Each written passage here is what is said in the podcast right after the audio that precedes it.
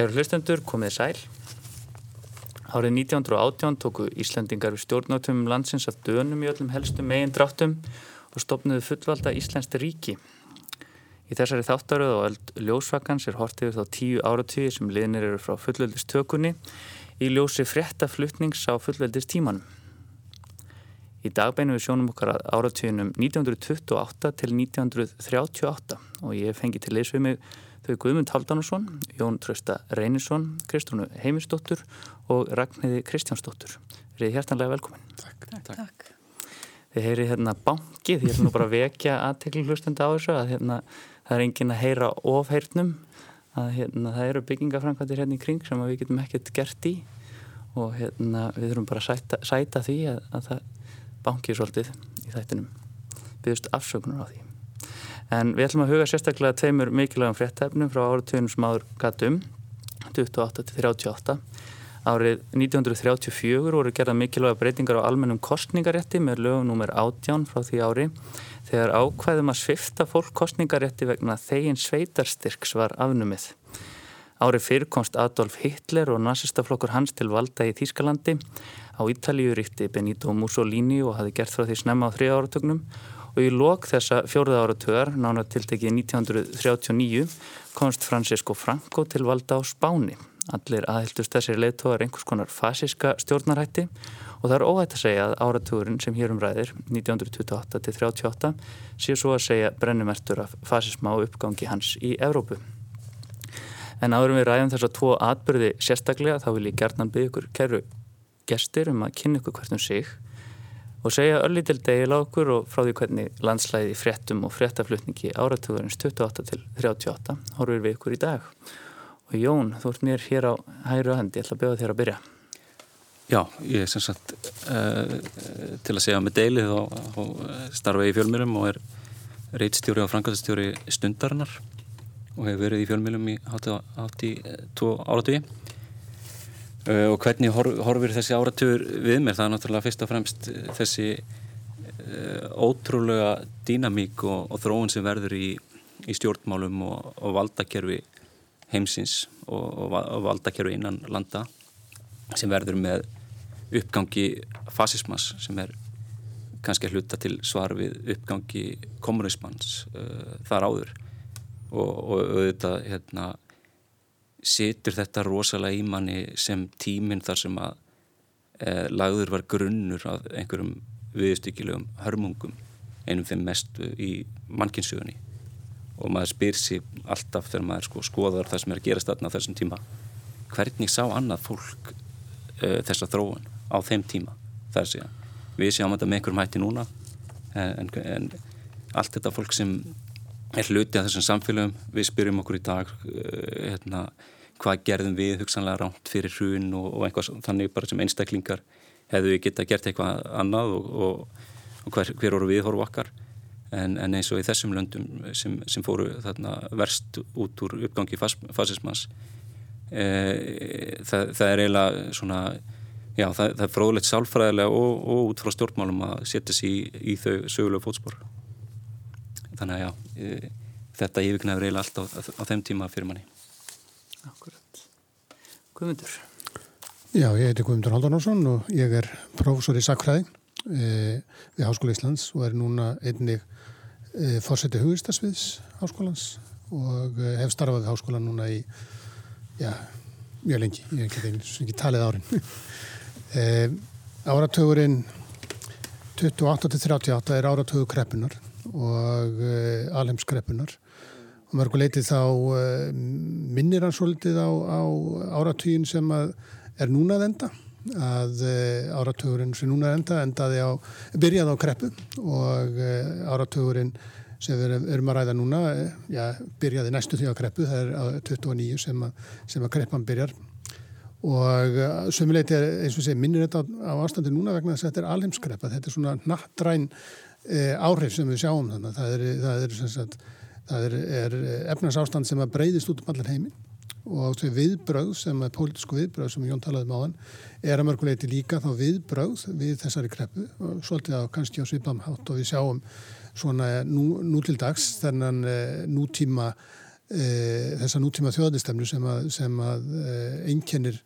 okkar ást, politíska ástand. Er líka á einhvern nátt svona viðbröð við þá þessu kreppa ástandi sem, að, sem var hann að 2008 þá má ekki kannski sagt að, að narsismin og uppgangur fascismans í Európu þó svo að Mussolini hafði reyndar verið komin aðeins fyrr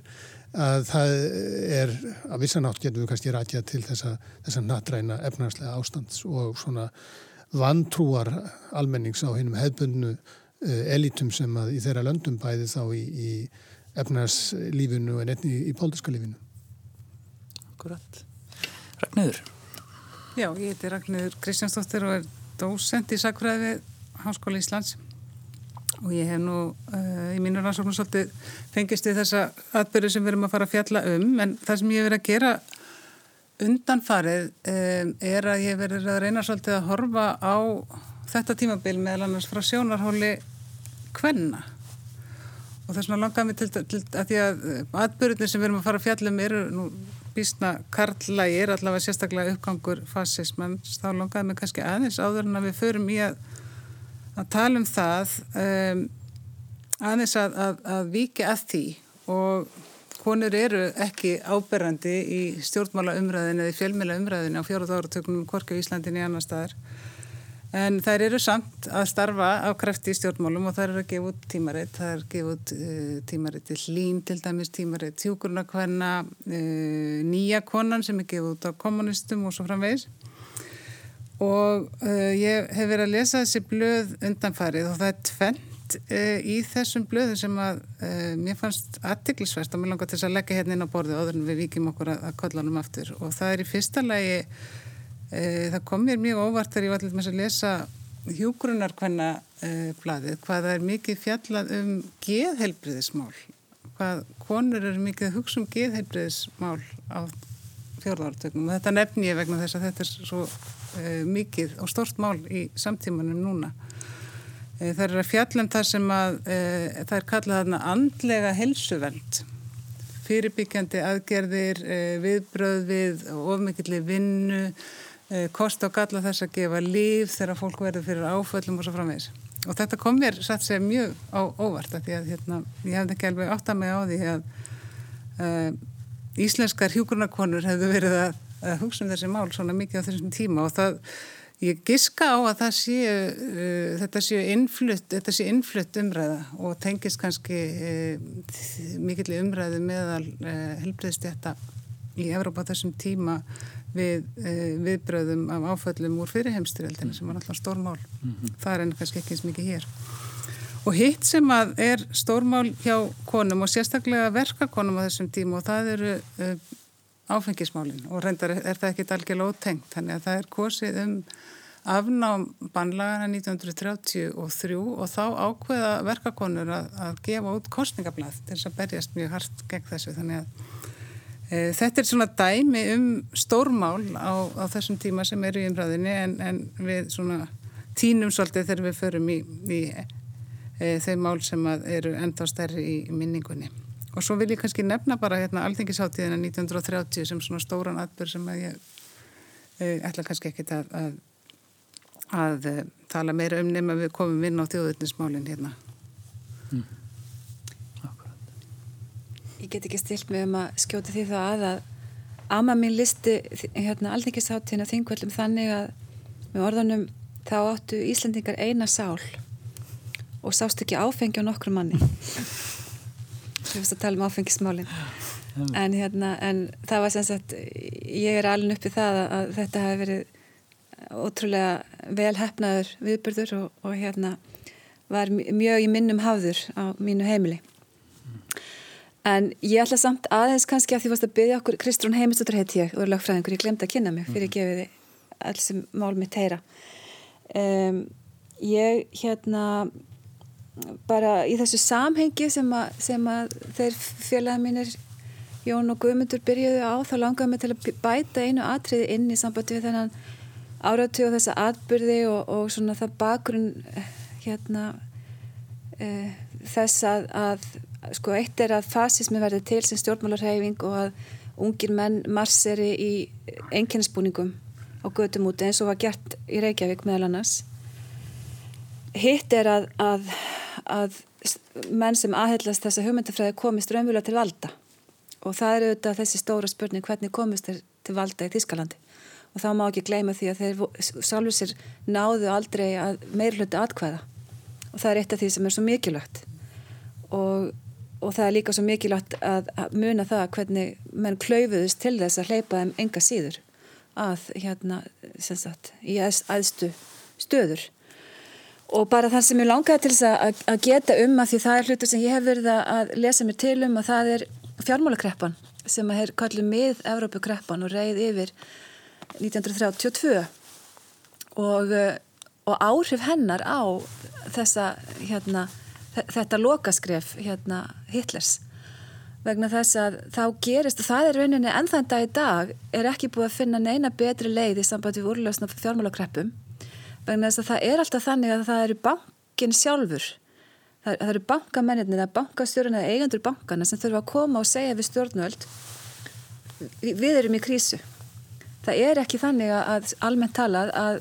að ríkið sjáu það fyrir eða hafi frumkvæði það þarf að koma einhver og segja við erum í vanda. Þannig var það hjá Lehmann-bræðurum og þannig var það hjá Northern Rock og svo framvegs þannig að það er ennþann í dag er þetta svo fáránleg staða að, að, að líðræðis hérna, byggingin sagt,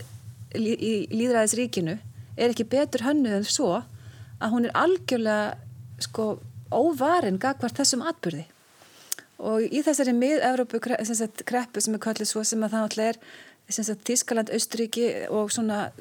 það sem var leifar af þessu hérna, stórveldi sem hafi verið austrísk-ungverska kesaradæmi og þetta svona efnahagsvæði að þá sagt, er bara kallað á bankastjóruna og það er neyðarfundur og það þarf að ákveða hverjum á bjarga og hverjum á ekki að bjarga. Og um það gilda enga leikreglur hverjum á bjarga og ekki bjarga það verður bara einhvern veginn að leysa úr því á stundinni og staðnum. Og eigandur þessara banka voru gýðingar og við þessar aðstæður þá er það í raun og veru með engum hætti að leggja mat á það hvað er rétt og rátt í ákverðan stjórnvalda. Þannig að samsæriskenningar eru bara besta giskið í raun og veru. Það er ekkit annað sem hættir að beita og áhrif hérna, þessa atbyrðar og eftirkasta, eftirmála hans er, eru sagt, talin veruleg í sambandi við hérna, og náttúrulega eh, mögnuð upp um allan helmingu þetta, og gengur sagt, gjörsanlega upp í allir, allir þessari hugmyndafræði sem hafi verið sett fram um gýðinga sem, sem einhvers konar hérna, ókvalda hins hérna, heiðarlega þýskumælandi manns í Mein Kampf eftir Adolf Hitler. Þar sem stóð, eins og við veitum hérna, enginn geðingur getur verið ríkisborgari. Þannig að það var ekki eins og fólk vissi ekki hvað hann vildi. Og við getum komið að þessu kannski nánar setna í þættunum um, mér veist frábært Ragnar að þú takir svona utanum þessi mál sem að falla oft kannski svolítið á milli skips og bryggju þegar það fara svona stórsögulega yfir sögun og mér hefur þótt svona oft svolítið erfitt að velja þessi tvö efnin í þáttin því að ég er svo meðvitaður um það að, að, að það er svo margt sem að maður er að sleppa og hérna e, þetta eru þetta klípa sagfræðingarna eða ekki? Já, maður svona skoða það sem maður áhuga á og það er ekkit óeðlilegt að, að e, maður leiti þá í sin eigin reynslubanka og, og ég rekna með því að kvæntjum sakfræðingar sem að fara að lesa einn að skrifa þessu sakniðs margir hverjir að, að þeim álefni sem að, sem að e, þeim finnast mikilvæg sem að okkur kvarlanum kannski sé stíður oft að, að þau hef ekki verið rannsókuð og, og ég held að það sé gildi almennt um, um eh, þessi sögulegur rannsóknir. Þess að það er svo mikilvægt að, að þeir sem er að stunda rannsóknir á fortíðinni sé mjög fjölbreyttur hópur og, og hafi mjög, mjög fjölbreyttan bakgrunn. Því annars verður sagan mjög einsleit en, en fortíðin var alveg að flókin eins og samtíminn þannig að, að við óttum okkur öll á því að það eru alls konar fólk í okkar samfélagi og þannig að þetta gildir líka um fortíðina. Þetta slýst, þetta er kannski um kyn og mikið um kyn, þetta slýst líka um vald og, og, og þeir sem eru valdamestir á hverjum tíma, þeir e, fá yfirleitt mesta aðtegli í mm. sagfræðinni þannig, þannig að það er þess vegna sem við erum að horfa á Hitler, að því hann hafði gríðarlega vald og, hérna, og fekk mjög mikla aðtegli þá og hefur fengið mjög mikla aðtegli síðan skiljanlega þannig að e, og, og þeir sem eru valdamestri í samfélaginu hverju sinni þeir hafa mikinn áhuga á því að hafa áhrif á það hvernig við skrifum söguna. Þannig ég held að sé mikilvægt fyrir sakræðinga að, að fara ekki svona einhvern veginn sjálfkrafa í að skrifa um þau efni sem að valdamenn þess tíma eða, eða okkar tíma hafa mestan áhuga á að sé skrifa um Þannig að þetta snýst alltaf mikið um, um vald og auðvitað kyn líka. Og kannski skilning líka að það er eh, svona fyrst á sí, síðust ára sem er farið að raunverulega tala um mál eins og geðheilbriðismál sem ást að nefna þann mm. sem eh, svona, eh, hvað maður segja, hagsmunamáli eða eitthvað sem hefur hérna, fjárhagslegt gildi sem er alltaf verið hort til í öllum svona ríkistrekstri og, og svoleiðis að, að hérna, það, það fylgir í náttúrulega gríðalegu samfélagslegu kostnaður að ef, ef geðheilbriðismál eru ekki í lagi og, og, og þessi kartlega sín horfir ekki mjög mikið sögulega á, á þessi innan gæsalappa mjú, mjúkumál eins og heilbriðismál og,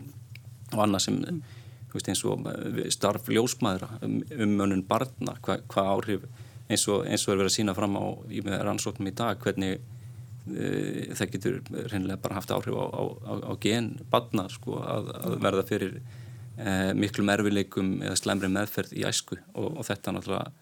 er íllmælanlegt og íllskiljanlegt og þess vegna kannski lögins mikil, ekki eins mikil áherslu á það. Það er mjög gott hvað þetta er orðið miðlagt í stjórnmálumræðinu núna, loksins. Og við ætlum svo sem að snú okkur aðrið sem að tilheyrir í þessum skilningi svona uh, stjættasögu uh, sem er kannski önnur saga sem að hefur já, uh, notið meiri aðtikli ekki satt svona eftir sem að, sem að hérna, uh, tímanum hefur undið fram. Þetta er orðið svona alg, algjör standard ekki satt í sakfræðar ansóknum að, að hérna, skoða sögu stjætta og við ætlum að, að skoða hérna, þegnréttin. Um, það dróði tíðenda á innlændum vettvangi árið 1934 þegar voru loksir skerðar mjög mikilvæga breytingar á almennum kostningarétti með lögum nú er 18 1934 þegar þetta ákvæðum að svifta fólk kostningarétti vegna þegin sveitarstyrks var afnumið. Og þetta á, ákvæði eins og ég skilða hafði í raun og veru útilokað lægstu stjættir samfélagsins frá kjörkursunum á grundvelli eignastuðu því að aðeins þeir fátakust í samfélaginu voru í þeirri aðstöð að þurfa að þykja framfæslustyrki frá repp eða sveit. Er það ekki nokkuð réttur svona almennu skilningur Um, þetta hafði verið, og Ragnar þú bendir mér að það, verið gaggrínt mjög harlega um, um áratjóða skeið og, hérna, og þegar ákvæði var loksinsfælt niður þá ríkti kannski orðið tölverð sátt um að það skild gera það. Um, við skulum þess að drepa niður á síðum allþýðublasins árið 1919 og svo aftur tíu árum síðar, 1929, þar sem spjótum er beint að hegningar lögkjöfunni eins og komist þar á orði. Fátækra lögin hegningarlög. Maður kom inn á skrifstofuna í gær og leiti kjörskrána og let hana aftur. Þeir hafa strykað mig út af skráni. Af hverju kemur það, var maðurinn spurður. Svo stendur á, svaraði maðurinn, að ég á sex börn og í fyrra varð eitt barna mína sjúkt og var að leggjast á sjúkrahús og láð þar í marga mánuði. Þau útgjöld sem af þessu leittu gati ekki borgað að mínum litlu tekjum og var að leita að náðir bæjarsjóðs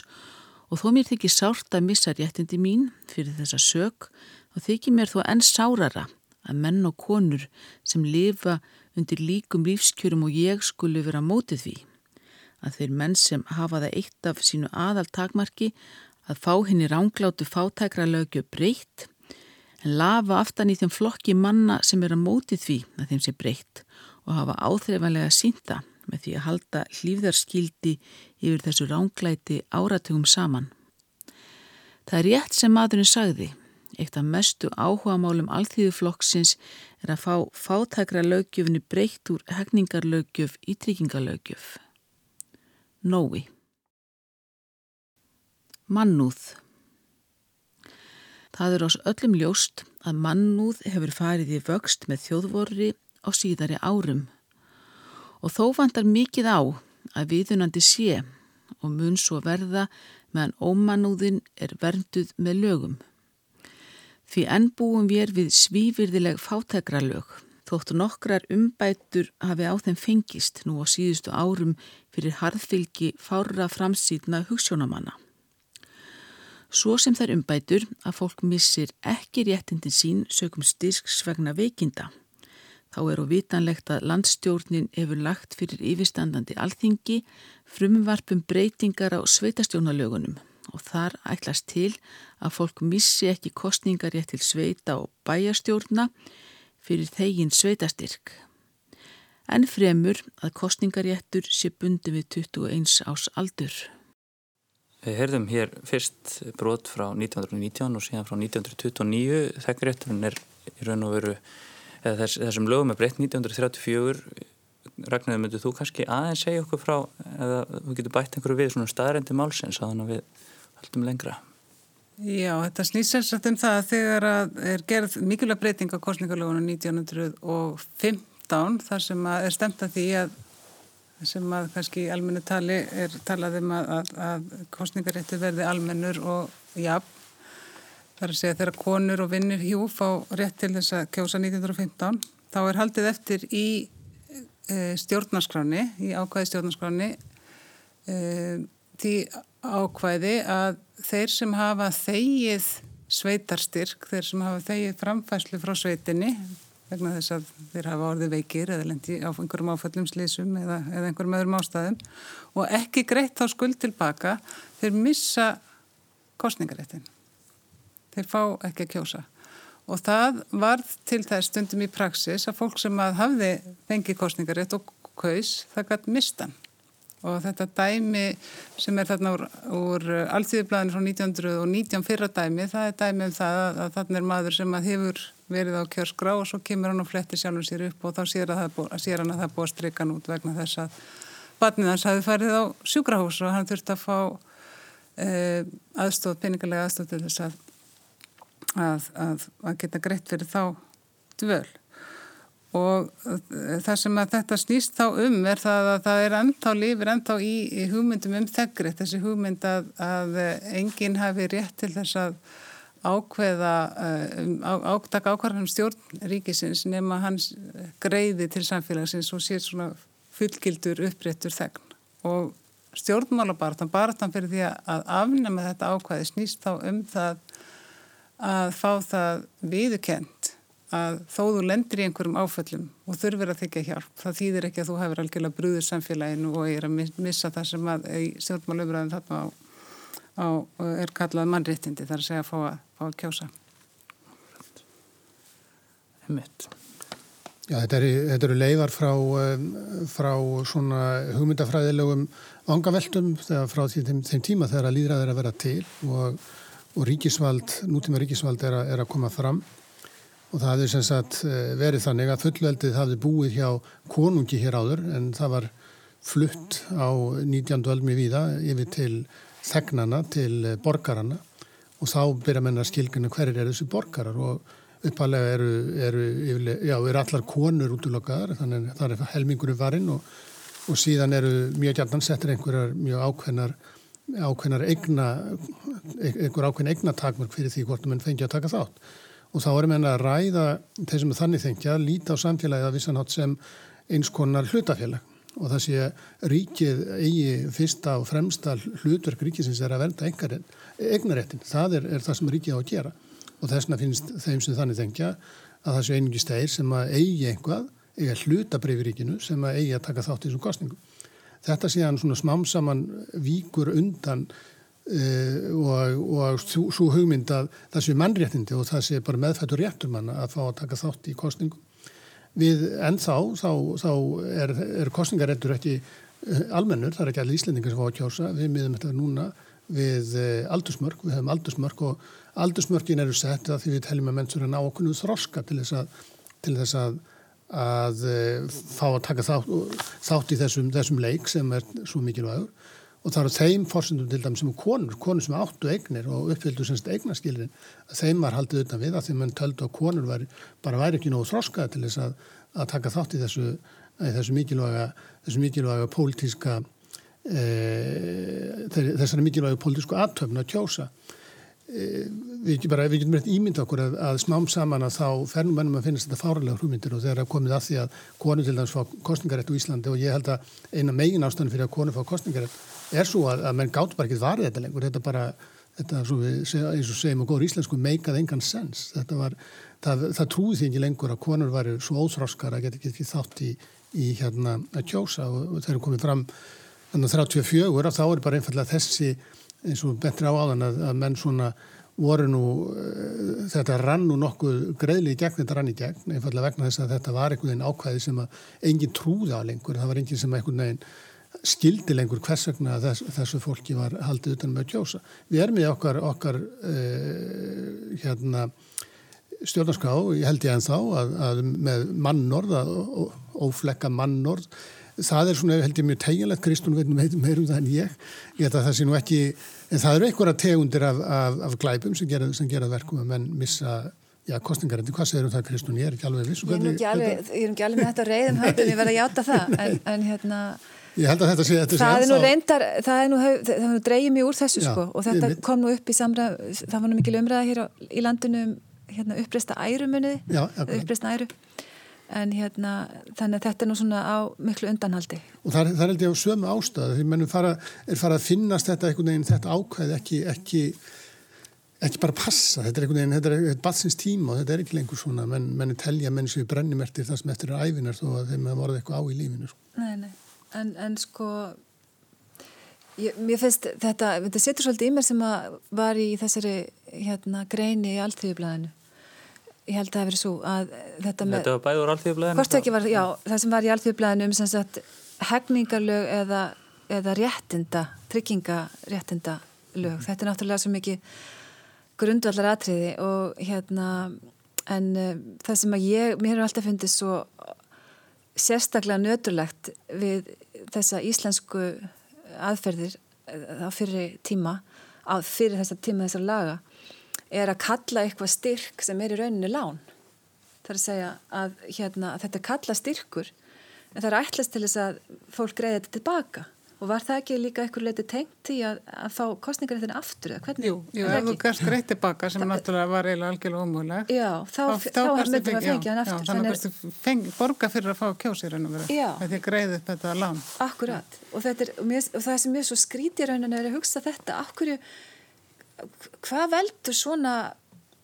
tvöfældnið, svo hræsnisfullt að kalla eitthvað styrk en svo er það lán mm -hmm. og ég, ég veit ekki, kunnið þið sakræðigarnir eitthvað, skýringu á þessu Já, þetta er ekki, ekki lána því, því leitunum til að, að, hérna, að e, þú varst ekki krafin um þetta í sjálfu sér sko, að, að e, þú, e, þú helst áfram að lifa og gast fengi meiri styrk en til þess að þetta var breytist í lán ef þú vildir gerast aftur hlutaf í þessu, í þessu samfélagi sem var verið að kjósa að, mm. þá, að þá varst það endur greið þetta. Þannig að þetta er sem sagt raunverulega, þetta er svona eins konar pantur sko, þú leggur saman í pant. Þú skilar inn þeggreitinu þínu til þess að þú færðan ekki eftir hérna. Leggur hana veði. Já. Og fyrst ég er búin að grípa orðið þá langar með aðeins að bæta einu við í tengslu við geðheibris og áfengismálina því að það sem að er ennþá inn í lögunum er tækifæri til þess að e, útiloka þá sem að þá þóttu óverðu í styrktegar mm -hmm. þá sem áttu ekki já, já. sem hafði ekki lendi áfællin vegna veikinda eða, eða döðsfall eða einhvers slíks heldur vegna þess að þeir voru áfengissjúkir eða kannski geðveikir og, og gátt ekki unnið að þeir eru enda, það er enda tækifæri til þess að útiloka þá frá kostningaréttinu vegna þess að það er talað um að, að fólk þurfa að vera fjársýns ráðandi og það er að svifta þá fjárforraði og hérna og það er með sem sagt útilokað frá kostningaréttinu. Men þetta er náttúrulega, hefur ekki verið rannsakað þessi praksis, það er mjög spennand að sjá sagt, hvers, hversu, hvort að það hefur verið yfkað eða ekki. Spurning hvort þetta sé ekki svona heimsbyggilega séð uh, svona, um, tilfastla úr því að horfa á einstaklingin uh, út frá því hvað hann leggur til samfélagsins í sköttum og, og, og svoleiðis, svona bókalslega nánast yfir í, yfir í manngildi að, að hver veitn hafi sitt gildi og, mm. og allar manneskjur séu jafnar og hérna, ef maður vil pæla í þessi dag eh, okkur finnst þetta náttúrulega fáránlegt að öll, allir hafi ekki haft kostningaritt og allir hafi ekki verið jafnir þessu liti en svo eru við náttúrulega með eh, hérna, kjördamakerfi þannig núna að atkvæðin vega náttúrulega ekki jamt hvað sem okkur finnst um það já, það er náttúrulega af allt öðrum toga. Mm. -hmm. en, en kannski mun okkur finnast það uh, fáránlegt eftir einhver ár. Mm -hmm. Svo eru þetta mjög áberandi núna í, í pólitík samtímans uh, að það er verið að uh, það verið að benda það bæði eru eldri borgarar og og þeir sem að þykja örugstyrkja og annað að, að benda það þó að þetta ekki kannski kostningarétt að þá séu réttindi þessar hópa skerta mjög miklu leita því að, að því að kerfið sé kannski endilega sangkant eh, það er mjög ábyrgandi mm. svo ég svona, eh, færi, heimfæri þetta kannski yfir á samtíman að, að hérna, þó að margt hafi batnað þá er ekki kannski eins og allir standið jæmt af í Neini og þetta er með, með, þetta með, eins og með óréttlæti sko, eins og einhver var að tala um á hana það óréttlæti er svo háð tíma hverju sinni það sem okkur finnst hróplegt órættleti og þetta sem vorum að tala um núna þóttu öllum sjálfsagt um í að 19. það var ekki nokkur maður sem að þetta það í huga fólk á sveit hefði kostningarétt, það var bara gengið út frá þessi vísu sko. þannig að þessi ví eru smám saman að falla einfallega vegna þess að rökin fyrir þeim eru, eru smám saman hald ekki og, og þetta er svona eins og og kannski verður svo stund einhver tíman að, að nú er að tala um að lækka kostningaréttinir í 16 ár Eh, kannski verður þú einhvern góða við þetta bara allir geta kosið um leðið fæðast hérna af því að, að, að að eins og segja rökin er alltaf, kostningar var 25 ár uh, á Íslandi fram á 20. stöld eða maður rétt að sko steg á 19. stöld og svo smá svona lækkar aldurinn við erum alltaf einhvern veginn að þessi, þessi takmarkandi reglur að það eru alltaf einhvern veginn að gefa, láta undan Er það ekki rétt muna hjá mér að fólk að þegið sveitarstyrki raun og veru bara sem börn ef að, hérna, ef að barn var munarlaust að þá Jó. var farið að tikka Sko langt flestir en það yfirleitt reknað ekki inn í þetta sko. það, er, það, er, það er sem sagt þeir sem að, og ég hef nú ekki skoðað á 20. og 19. aldar að mjög skusti þannig að, að sveitarstyrkur sem þú fjækst sem barn að hann, hann var ekki aldrei, hann var ekki reknur inn í þetta. Þú mistir ekki þín mannreiknund út, út, út á það. Ég, þetta eru eftir styrku sem sem þú tekur eftir árin fullar. Ég held að það hljóta að verið þannig líka á, á þessum tíma. Þannig, þannig var það sem sagt á, á 19. aldri sem mennur mikið er ræðið ekki þannig að menn sé að tala um þetta sé, sé hérna e, vondareglur heldur bara eru að ræða það hvernig, hvernig, hvernig virka þær. Akkurat. Að færa okkur yfir í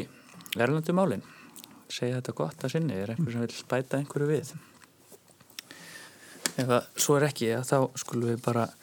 skoða það hvernig fjóruði áratugurinn engjandist eins og það nefnir í upphafi þáttarinskumundur að miklum sviftingum í efnaðarslífi, svona begja vegna Allandshafsins um, kreppi í bandaríkjunum 1929 á Wall Street og miða-Európu kreppa þreymur árum síðar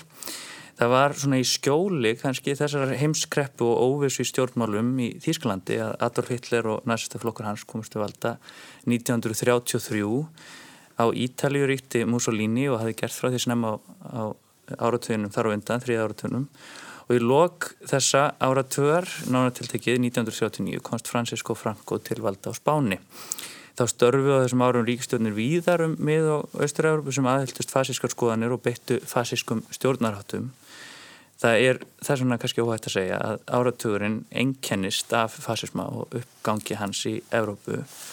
Við skulum heyra brot úr fyrstu ræðu Adolfs Hitler sem nýkjörins kanslara Þýskalands árið 1933. Við higgjumst Korki Ljúani Svíkja, segir hann, ég hef því þvert tekið fyrir það að stíga fram fyrir þjóðina með ódýr lofórð og þá segir hann að það sé aðeins í okkar höndum, í höndum okkar einna og það er sennilega við sig og samflokksfólk sitt í Þískan næstafloknum. Í okkar höndum segir Adolf Hitler liggur framtíð Þísku þjóðarinnar aðeins með því að leggja áherslu á eigin vinnusemi og eigin framleiðslu, eigin ákveðni og eigin áræðni, eigin þrautsegju getur þíska þjóðin valist til fóristu á nýjanleik og skarað fram úr eins og forfeðurnir frægu sem þáðu Þískaland ekki að gjöf heldur skópu það sjálfur. Skulum heyra Adolf Hitler. Am 30. Januar dieses Jahres wurde die neue Regierung der nationalen Konzentration gewählt. Ich und damit die nationalsozialistische Bewegung traten in sie ein. Ich glaube, dass nunmehr die Voraussetzungen erreicht sind, um die ich das vergangene Jahr gekämpft habe.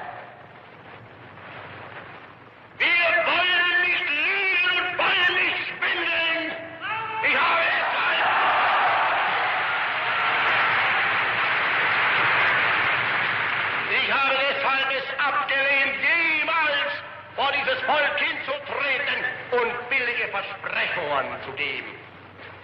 In uns selbst allein liegt die Zukunft des deutschen Volkes. Wenn wir selbst dieses deutsche Volk emporführen durch eigene Arbeit, durch eigenen Fleiß, eigene Entschlossenheit, eigenen Trotz, eigene Beharrlichkeit, dann werden wir wieder emporsteigen, genau wie die Väter einst aus Deutschland nicht Geschenk erhielten, sondern selbst schaffen mussten. Mér langar kannski áður en að við höldum eitthvað lengra áfram að byggja er einhver hérna sem að, myndi taka sér bara skilgræna þetta hugtak, fasismi. Það er ekki auðvelt. Það er svolítið flókið að skilgræna hugtaki fasismi. Mhm. Held ég, mér skoðist, hef ég leitað þessara skilgræningar daldi mikið á þess, að, á þess að hún sé fullkomin. Akkurat. Ég var að, var að láta henn skrifa um það hvort að Trump var í fasisti sko Já. og þá var ég eins og Kristún að leita og hérna og það það er ekkert, ég meina þetta er það er margt svona samílegt með sko með þessari hægri reyfingu núna og fasismannum á, á, á fjórðartögnum en allt svona er bundið sínum tíma og, og, og þannig að ég var ekki tilbúin að segja að Trump var í fasisti sko að því að þá ertu farin að að raunverulega að svinga þeim pólitísku aðstæðum sem voru þannig að e, á fjórðartögnum að því að það sem að fasismin snýst mjög kjarnan um það, hann snýst um þess að þá er, er svona leiðtói mm -hmm. svona karismatísku leiðtói sem að ég get aldrei skila að Trump sé en, en hann er það greinlega mm -hmm. E, þetta er mjög oft tengt óðbeldi að sem sagt, að sem sagt mjög svona karldominerað mm -hmm. e, og, og svona og leggur síðan áherslu á þetta svona þetta lífræna samband fólks frekar heldur en, heldur en svona þetta líðræðislega e, líberal e, samfélag sem við búum við þannig að svona þessi fjölskylda og með föðurinn í er það ekki eitthvað svona þess aðtina eða? Jú og það er, kannski má bæta við að mér finnst líka sko þegar því á þessum tíma þetta það er ekki bara þessir, þessir aðal menn sem þú nefndi Franco og Mussolini og Adolf Hitler, þetta er náttúrulega reyfingar út um alla álfu og þeir eru víðar sem er komast til valda í fleiri löndum. Og svo þurfum við að vera að lesa þessi til um þessa, þessa tíma og, og þá er sko það er ekki neitt eitt stefnuritt sem likur til grundvallar allir reyfingunni mm -hmm. Og í raun og veru þeir svona dást hverja öðrum og heimsækja hvern annan og, og slíkt mm -hmm. og og njóta svona viss stuðnings í styrjöldunni eins, eins og áttu við um þjóðverja og, og spánverja og, og Ítali og svo framvegis. Og en, en sem sagt en svo er þeir sko, þeir, þeir hittast kannski á einhverjum svona, svona rétt svo sko, er ekki, þetta er ekki alþjóðar reyfing á grundvelli þeir sameilarar stefnu beinlinis. Já þeir eiga mjög erriðt með að vegna þess að, að þetta er sem sagt, þetta er yfirlega alltaf þjóðverðnisreyfingar, þess að þeir leggja áherslu á þjóðina mm -hmm. og vegna þess að þeir leggja áherslu á, á hvað þjóðin er einstök og merkilega þá er þetta eiga mjög erfitt með að lúta einhverjum öðrum að þeir eru að leiða sína þjóð og, og hérna Mussolini talaði um sem sagt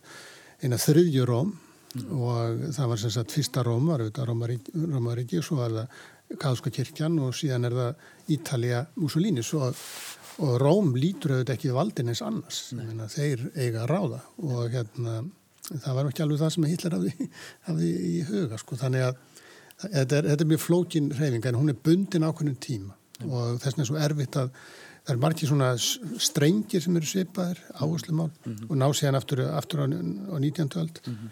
Til dæmis á, á þess, þessi hérna geðing, geðingandu hún er, hún er alveg grasserandi á, á 19. öldinni og er, þá er hún sterkust í Fraklandi mm -hmm. og raunverulega sem sagt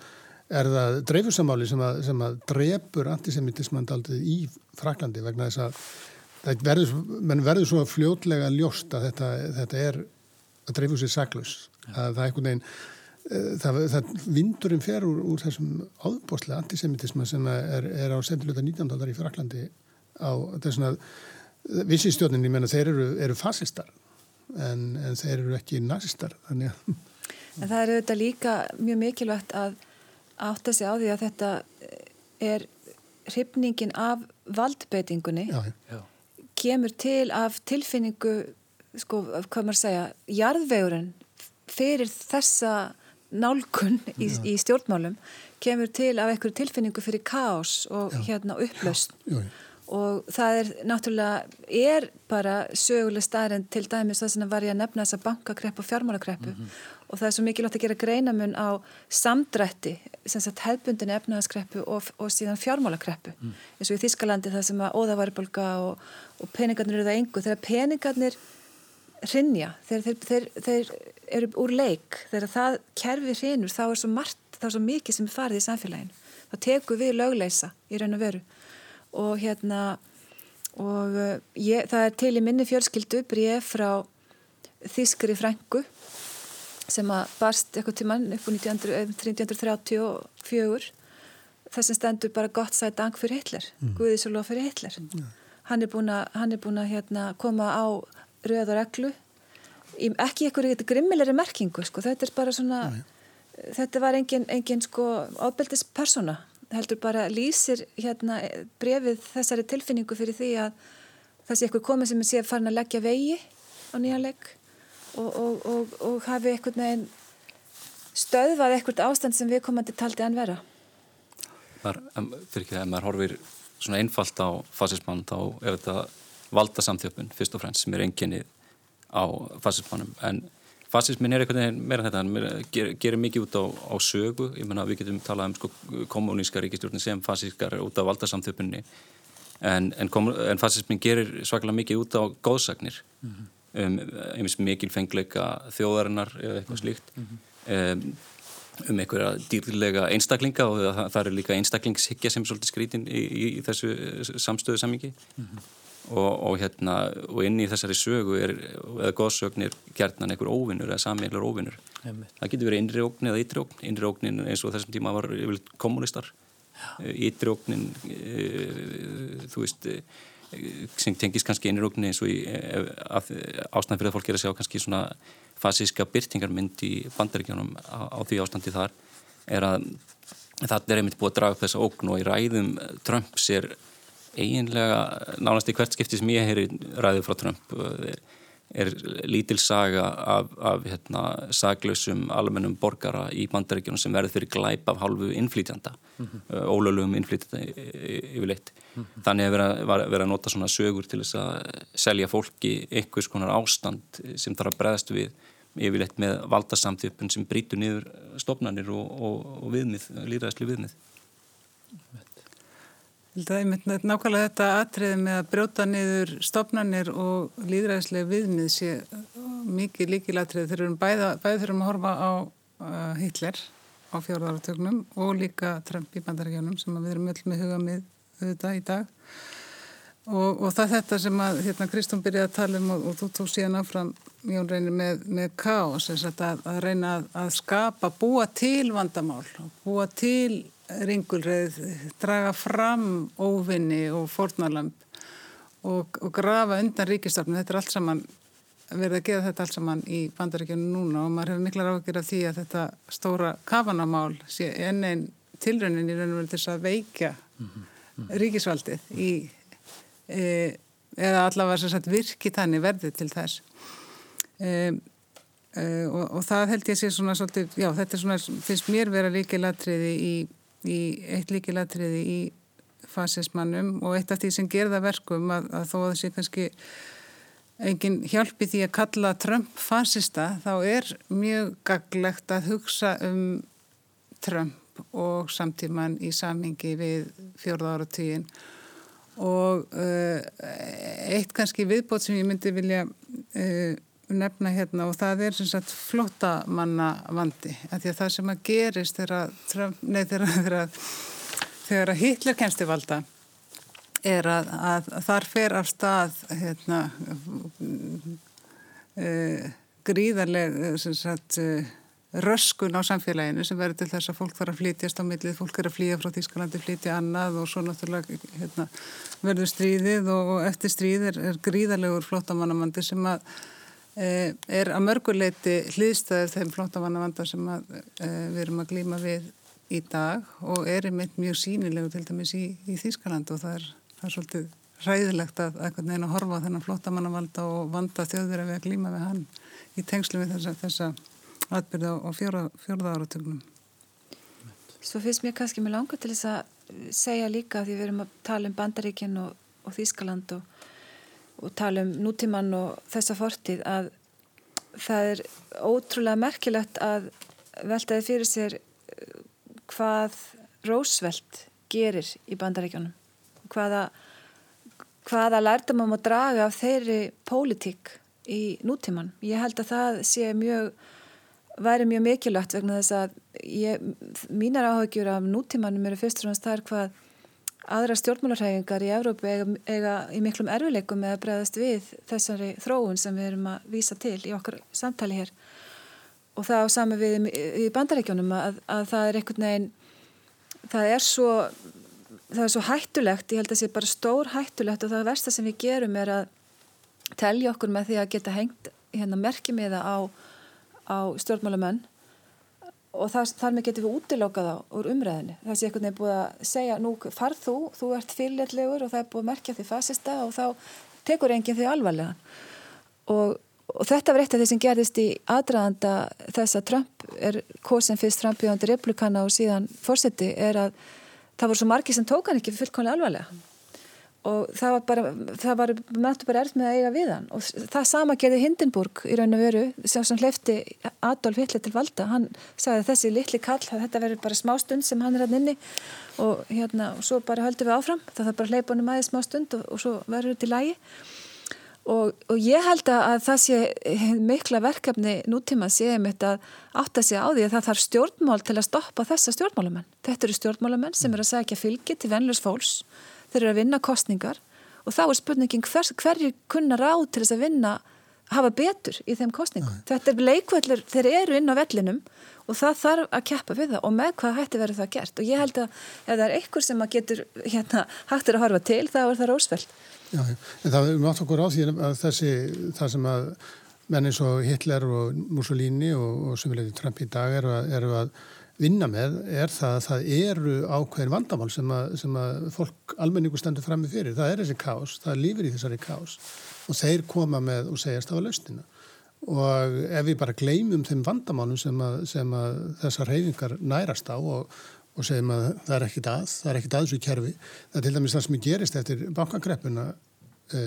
núna síðustu og það sem að menn eru svona að reyna að býta úr nálum en núna er það að auðmennunum var bjargað og þetta fer alveg óskaplega í töðanar á þeim sem að eru að, að missa húsin sín og annað slíkt. Og, e, og það er innbyggt í kerfið þegar í þessum bankakreppum sem að verða og það er eins og Kristún var að benda á þannig að bankakreppur eru öðruvísi heldur en, heldur en hérna margar aðra kreppur vegna þess að, vegna þess að, að þetta verður eitthvað eitthvað svo svínslega óriðlat og það sem við horfum líka á er með þeirra mikla samfélagslega breytingar verða að þá er alltaf hópar sem að sem að einhvern veginn eru að, eru að já, hef, hafa það verð og óttast um, um sína tilveru. Og þá er þeir, þeir leita lausna og ef, ef við lausnin er ekki að, að berja niður, niður hérna, þann sendibóðan og segja að, hérna, ja, Trump er astni eða Hitler er astni og við reynum að það þarf að horfa til þess að vanda og það sem að Rósveld auðvitað gerir að hann er að vinna á þessum Eh, fátaktavandamálum sem er í bandaríkunum og vandamálum í samt við atunleysi og annað slíkt eh, öryggisleysi eh, fólks í, í kringum vegna, vegna kreppunar og, og það, það eru, hann, er, hann er að bjóða fram lausnir sem að, sem að gera það verkum að þessar svona skindilausnir það er bara, það er bara ég sem að geta leist málinn eins og, eins og, eins eins og Trump segir að eh, ef það, kemur ekki til staðin að þá hljómar, hljóm, hljómar svoleiðis skindilusnir vel. En, en með skipulegum að takast á við þann vanda sem samfélagin standa fram með fyrir að þá, það eru þetta besta, besta vörnin við svona við svona reyfingum en við verum, meðum samt ekki gleyma því að og þegar, þegar við erum einhvern veginn að slá saman Adolf Hitler og Donald Trump í saman stund og það, það er svo margt í þessum fasísku reyfingum fjörðaratugurins sem, sem, sem beturferð er ekki núna í þessum svona rótæku hæri reyfingum sem við horfum á núna. Og það er þessi þessaklega svona já, þetta, þetta gengdarlösa óðbeldi sem þeir nærast á. Og eins og Jón Reini myndist á áðan og það eru þetta, það sem að stiðu líka við þá er óttinu kommunisman og ef við lesum blöð frá þessum tíma á Íslandi til dæmis og mm. þá er það er mikil samúð með Hitler og Mussolini eh, ekki það að menn taki undir það sem eru að segja en menn sjá þá sem ákveðna brjóstvörn við kommunisman og hérna og margir sem að svona sjá þá sem að raunverulega svona bestu brjóstverðina og þegar svona líða styrjald þá eru nú ímsir málsmetandi menn á Vesturlandum sem að eh, svona sjá eh, framtíðinu í því að, að, að, að nazismin, að Hitler, að mynda bandala með Hitler til þess að sigra Sovjetrikinn og, og hérna svo, þannig að við höfum að skilja þann, það andróslott sem, sem að þessi þessa reyfingar sprett upp úr. Og þessuna sem að, ég haf gæti ekki sagt að Trump var í fasisti vegna þess að, að þá erum við farin að, að, slá saman reyfingum sem eru vissulega eiga sér einhver leiti samlíkingar en, en eru samt sem að það er svo ólíkar að það er bara hættulegt. Við þurfum að fara að ljúka þessu, við munum ræða kommunisman í næstu viku, er einhver sem að bæta einhverju örstutu við? Já, að því að spyrjum hérna, skilgringun á fasisma þá var gefið út blað á Íslandi sem hétt Fasistinn í vestmannegjum 1933 það var gefið út held í mánalega og, og, og á forsýðu þess blaðs var, var skilgjönd hverju, hverju þeir, þeir berjast fyrir og, og þar er þar segja er best fyrir eining þjóðarinnar auknu valdi og aukin ábyrð ráðamanna hennar og best gegn stjættastriði, atvinnuleysi og stjórnmálspillingu og til fróðlegs þá er hérna tilvitnun í Hitler sem er þitt, ég ætla nú ekki að lesa hann alla en, en það er þitt sem tilvitnun í grein eh, ræðu Hitler sem heitir Hið unga Þískaland vil frið og vinnu og við séum þannig að, að skilgreiningin á fasismannum eh, eins og við höfum hana er yfirleitt út frá loka niðurstöðinni en ekki út frá byrtingamind hennar í, í byrtingamind fasismanns í fæðingu og enda segir hérna eh, innan gæsalappa um Hitler og Mussolini að, að dæma nú þegar uh,